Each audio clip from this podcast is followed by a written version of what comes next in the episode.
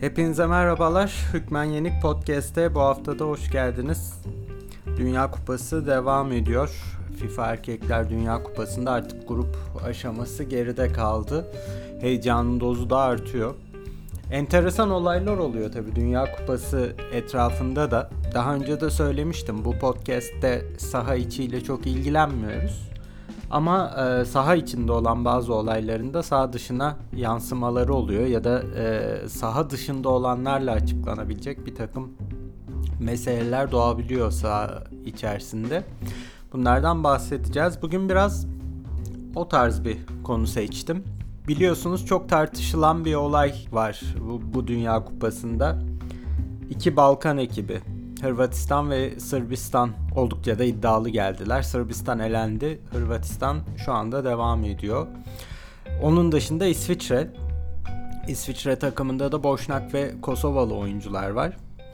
Tabi böyle olunca Yugoslavya'nın, eski Yugoslavya'nın farklı parçaları, farklı e, ve etnik olarak sorunlu parçaları Dünya Kupası'nda bir araya gelince ki Sırbistan'la İsviçre aynı gruptaydı. Tabii enteresan durumlar oluşabiliyor. Sırbistan-İsviçre maçında bunu yaşadık. Ee, İsviçre'nin iki oyuncusu, e, Kosova kökenli iki oyuncusu golden sonra Arnavut Kartalı e, sevinci yaptılar. FIFA e, klasik olarak halının altına süpürdü mevzuyu. E, para cezası verdi. Aynı şekilde Sırbistan taraftarları arasında da ciddi ırkçı sayılabilecek e, tezahürler söz konusu oldu. Yine aynı şekilde Hırvatistan takımının maç sonu sevincinde e, ırkçı bir şarkıcının şarkısı çalındı. Bunlar hep geçiştirildi FIFA tarafından ama önemli olaylar tabi. Bunun dışında Sırbistan Cumhurbaşkanı'nın oğlunun, Vucic'in oğlunun e, maçı sağcı mafya liderleriyle beraber izlemesi gündeme geldi. Bunlar aslında Balkan futbolunda çok da alışmadığımız meseleler değil. Geçmişte de e, Arnavut taraftarlar örneğin e, Belgrad'da Sırbistan maçında sahaya drone indirdiler. Ee, onun dışında tabi biliyorsunuz e, Yugoslavya iç savaşının başlangıcı zaten. Hani tabii ki savaşın kendisi pek çok olayın hatta 1980'lerden itibaren yaşanan 10 senelik zarftaki pek çok olayın sonucu ama hani o Franz Ferdinand'ın öldürülmesine karşılık gelen olay bir futbol maçı. Ee, tabii ki futbol içi rekabetler milliyetçiliğe çok fazla e, tercüme edildi. E, Yugoslavya'nın dağılma sürecinde. Biraz bunlardan da bahsedeceğiz. Öncelikle tabii niye bu bölge, niye Balkanlar, niye Yugoslavya bu kadar önemli? Niye futbolda milliyetçiliğin en çok e, karşımıza çıktığı yerler genelde buraları oluyor?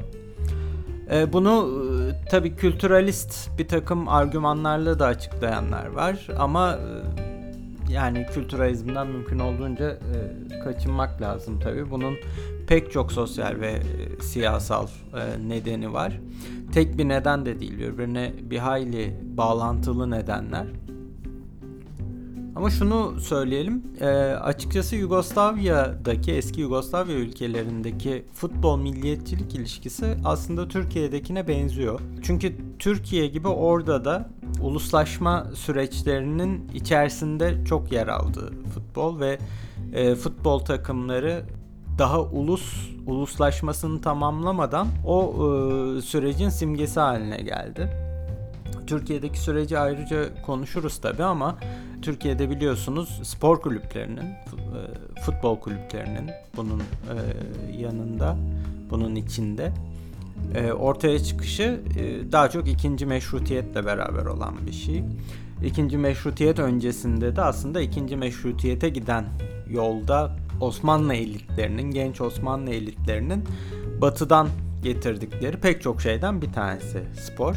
E, bir diğeri milliyetçilik tabi. Dolayısıyla modernizmin beraberinde gelen bir şey Türkiye'de spor ve özelinde futbol ve e, milliyetçiliğin de simgesi olarak ortaya çıkıyor. Özellikle İstanbul kulüpleri e, Beşiktaş, Galatasaray ve Fenerbahçe işte İstanbul'un işgal döneminde oynanan e, İngiliz askerlerine karşı, işgal askerlerine karşı oynanan maçlar vesaire. E, bunun için ayrı bir e, haftayı ayırırız. Tabi Yugoslavya'da e, tam böyle değil. Zira e, futbol kulüpleri bu süreçler e, başladıktan sonra ama önce ortaya çıkıyorlar. Nasıl?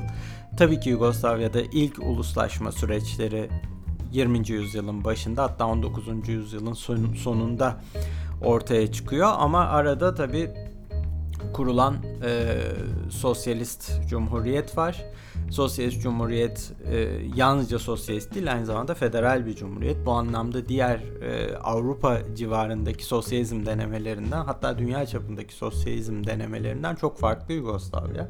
Farklı etnik gruplara federe statü sağlayarak onları bir arada tutan çok enteresan bir deneyim. Bu bağlamda tabii ki o milliyetçilik süreci ciddi bir virgül yiyor orada çok uzun süre Yugoslavlık kimliği üzerinden devam ediyor hayat.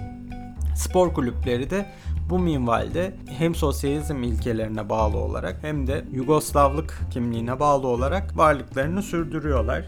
Ancak Yugoslavya'nın zayıflamaya başlaması ki Yugoslavya'nın zayıflamaya başlaması da şöyle oluyor. 1970'lerde 1970'lere kadar çok sağlıklı ve çok da aslında gıpta edilen bir ülke Yugoslavya. Türkiye'de de o dönemdeki yayınlara bakarsanız e, Yugoslavya örneğiyle ilgili ciddi e, kafa yorulduğunu görebilirsiniz ki Türkiye'de sol hareketin çok önemli ölçüde Stalinist olmasına rağmen biliyorsunuz e, Tito ile Stalin çok ciddi bir kavga içerisindeler. 1970'lerde ne oluyor? Tabii 1970'lerde şu oluyor. Pek çok ülkenin o dönemde hayatı değişiyor. Çünkü petrol krizi. 1970'lerin sonunda petrol kriziyle beraber enerjiye bağımlı, enerji ithaline bağımlı ülkelerin tabii ki ekonomisi ciddi anlamda hasar alıyor. Yugoslavya bu ülkelerden bir tanesi kuşkusuz. Kendi petrol üreten bir ülke değil. Ee, dahası herhangi bir pakta da dahi değil. Bağlantısızlar hareketinin öncüsü konumunda. Ve o ortamda ekonomik denge bozulmaya başlıyor ve Yugoslavya borçlanıyor. Dış borç başlıyor. Dış borç ülkedeki dengeleri yalnızca e, ekonomik dengeleri değil aynı zamanda siyasal dengeleri de oynatmaya başlıyor. Neden? Çünkü Yugoslavya federal bir devlet ve farklı gruplar var, farklı federe devletler var içinde. Ama bunların hepsi aynı ekonomik imkanlara sahip değiller. Slovenya, Hırvatistan, Avrupa'ya, Orta Avrupa'ya daha yakın olan, denize kıyısı olan devletler çok daha varlıklılar. Çok daha fazla imkanları var. Orada endüstri daha gelişkin. E, ham madde sıkıntısı çekmiyorlar.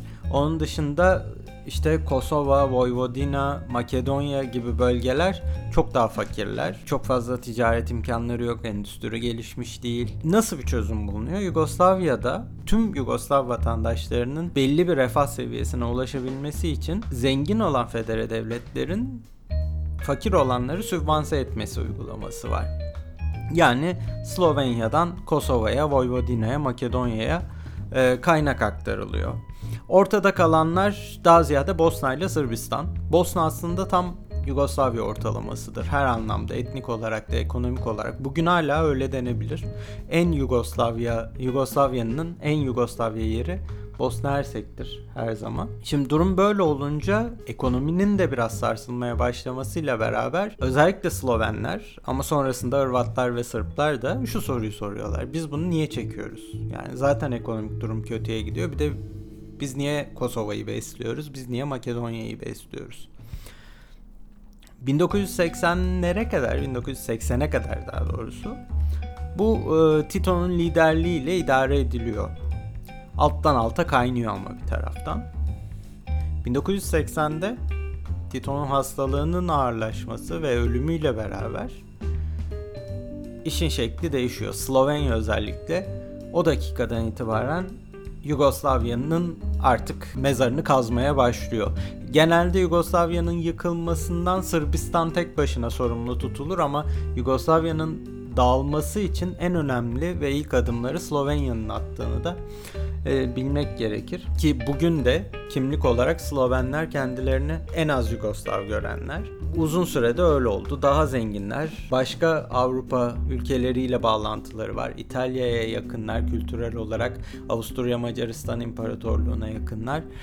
Yugoslavlığın nispeten daha az kök saldığı bir yer Slovenya anlamda. Yalnızca tabi bu değil mesele aynı dönemde Yugoslavya'nın iki tane de ciddi rakibi var. Çünkü hem Doğu blokundan hem Batı'dan baskı yiyor Yugoslavya.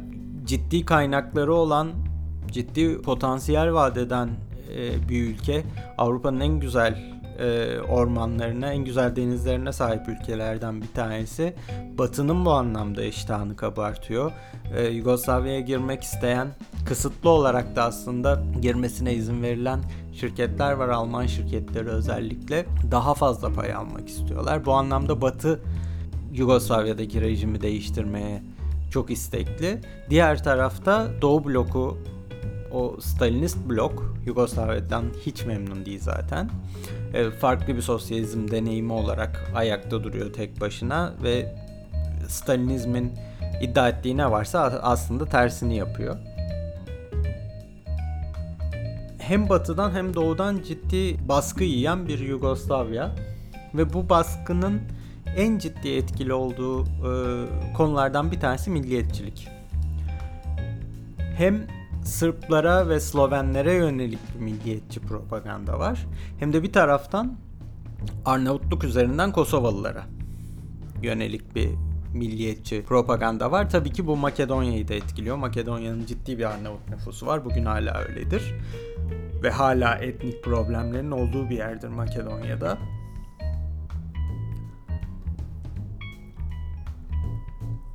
Bir yandan ekonomik krizde sarsılan bir ülke, bir yandan Tito'nun ardından bir liderlik krizi yaşanan bir ülke ve bir yandan ciddi bir şekilde destek gören, dışarıdan destek gören milliyetçi ayrılıkçı hareketler.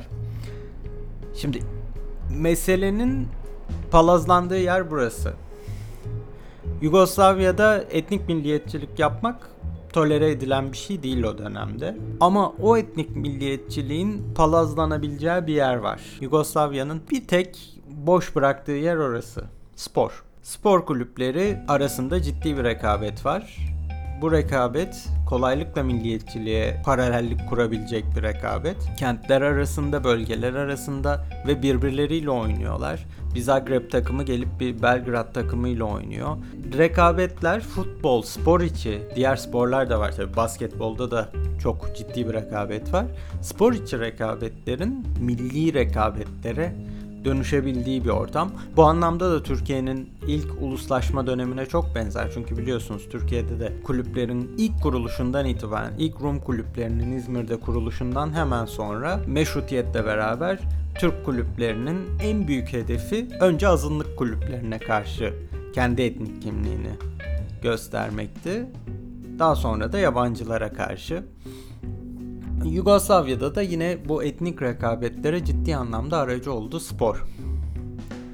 Yugoslavlık da aslında spor üzerinden propaganda şansı buldu bulmadı değil. Örneğin 1984 e, kış olimpiyatı Saraybosna'nın ev sahipliği yaptığı buna e, ciddi bir örnektir. Ama tabii şu var milli rekabetlerin olmadığı federe bir devlet ve dış dünya ile bağlantısı da gerginlik üzerinden değil daha ziyade işbirliği üzerinden kurulmaya çalışılan ama çok da başarılı ol- olunamayan soğuk savaş nedeniyle. Bu, bu koşullarda Yugoslavlığın spor üzerinden kendine propaganda şansı bulması çok kolay değildi. Milliyetçilik her zaman spor üzerinden yayılmaya daha müsait bir ideolojidir. Ee, Yugoslav sosyalizmi gibi e, komplike bir e, ideolojiyi spor üzerinden anlatamazsınız. Spor ve taraftarlık, spor demeyelim de taraftarlık duygular üzerinden, sloganlar üzerinden kendini ifade eder. Bu anlamda basit politik ideolojilere, popülist politik ideolojilere her zaman daha açıktır sloganlaşmış bir Yugoslav sosyalizmi olsaydı belki spor üzerinden bir e, tercüme bulabilirdi kendisine. Bu belli e, oranda e, Sovyetlerde yaşandı. Ama Yugoslavya örneğinde zaten farklı etnik grupların olduğu bir örnekte e, bu yönde cesaretlendirme de varken sporun milliyetçiliğe hizmet etmesi hiç şaşırılacak bir durum değil. O e, spor kulüpleri bir noktadan sonra milliyetçiliğin merkezleri haline geldiler. Buna karşı durmaya çalışan kulüpler de oldu, taraftarlar da oldu ama hem dışarıdan desteklenen hem de ülkenin zor durumunda ortaya çıkan bu kadar güçlü bir e, popülist harekete karşı çok fazla karşı durmanız mümkün değil. Bu karşı durmanın en önemli örneklerinden bir tanesi Velej Mostar'dır. Mostar enteresan bir şehir. Bilmiyorum gitme fırsatınız oldu mu? Ee, Bosna Hersek'in içerisinde Boşnaklarla Hırvatların hemen hemen yarı yarıya olduğu bir şehir. Velej Mostar bu tam e, aslında Yugoslavya'nın mikrokozmozu diyebileceğimiz bu şehrin Yugoslav takımıydı. Velej Mostar'ın taraftar grubu Kızıl Ordu, Red Army çok uzun süre milliyetçi dalgalara karşı koydu. Hırvatistan'da ve Sırbistan'da işte Kızıl Yıldız, Partizan, Dinamo Zagreb, Hajduk Split milliyetçiliğe yavaş yavaş teslim olurken Velej Mostar ciddi bir şekilde direndi. Bir noktaya kadar direnebildi tabi. Zaten oradan sonrası savaş ve e, ülkenin bölünmesi.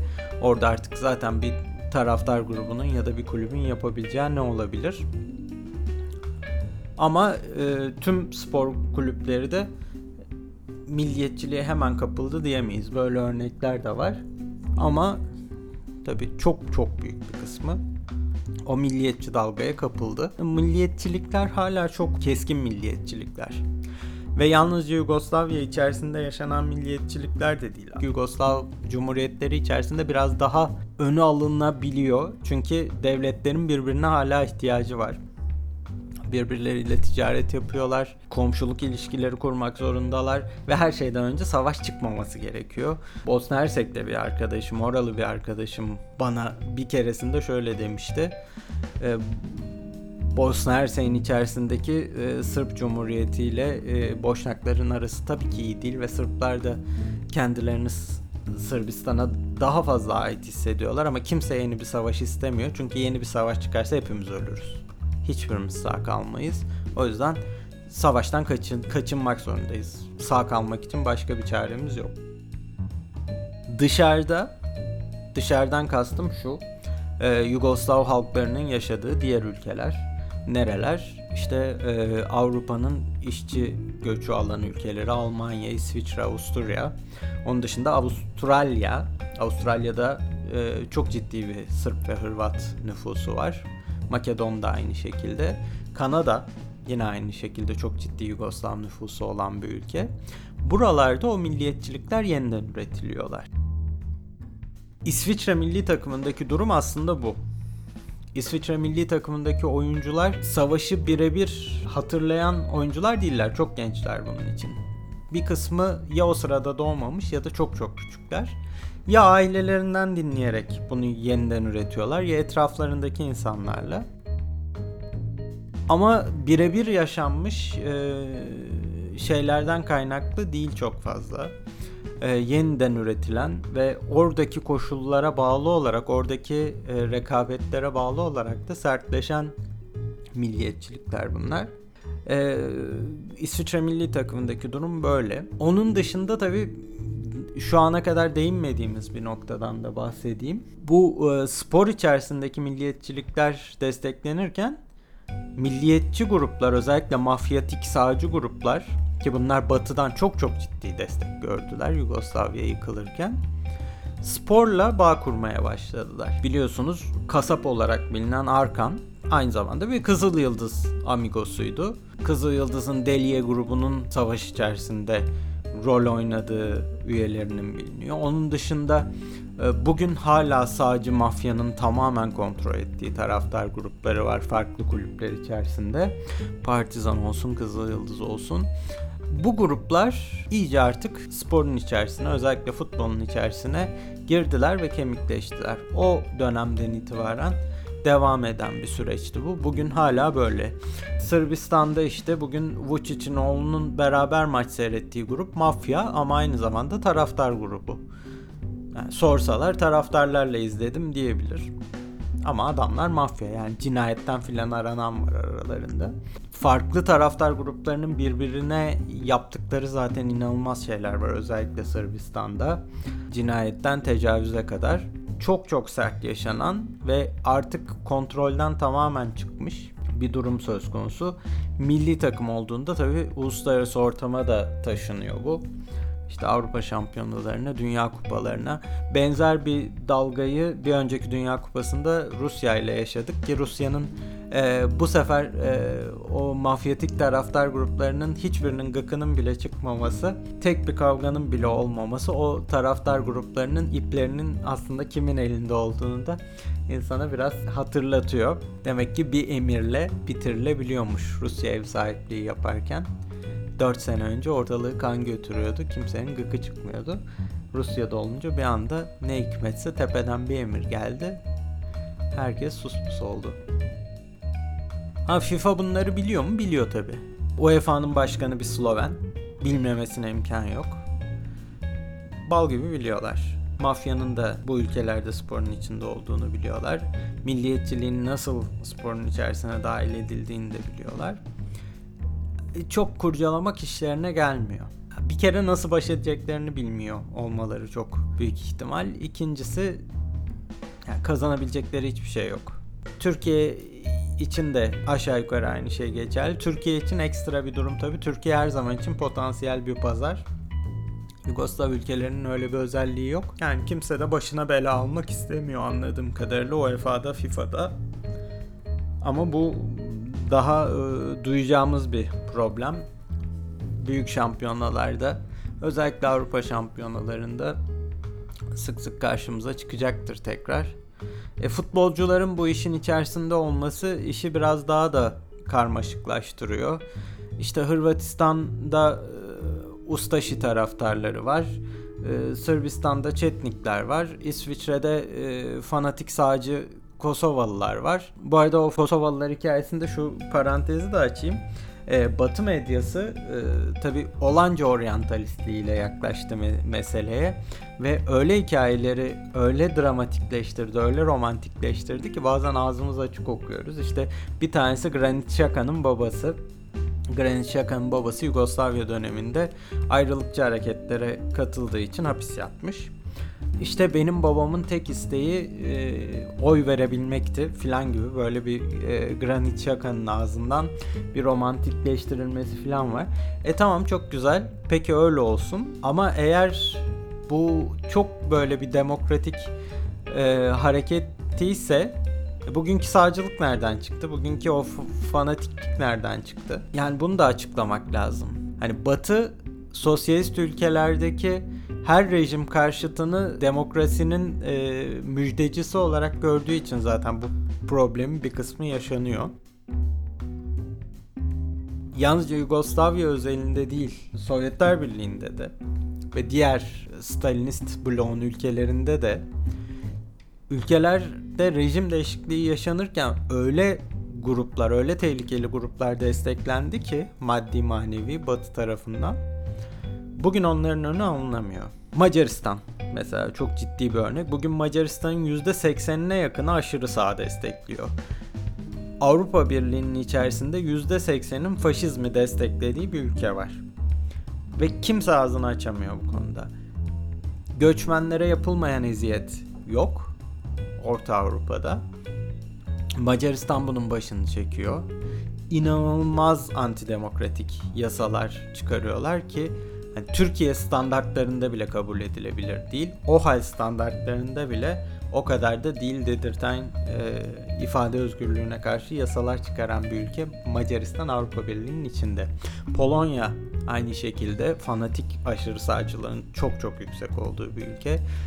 Bütün eski Stalinizm ülkelerinde ciddi aşırı sağcılık ve ırkçılık problemi var. Özellikle Roman gruplara karşı inanılmaz bir ayrımcılık var. Ve bunların hepsi beslendi.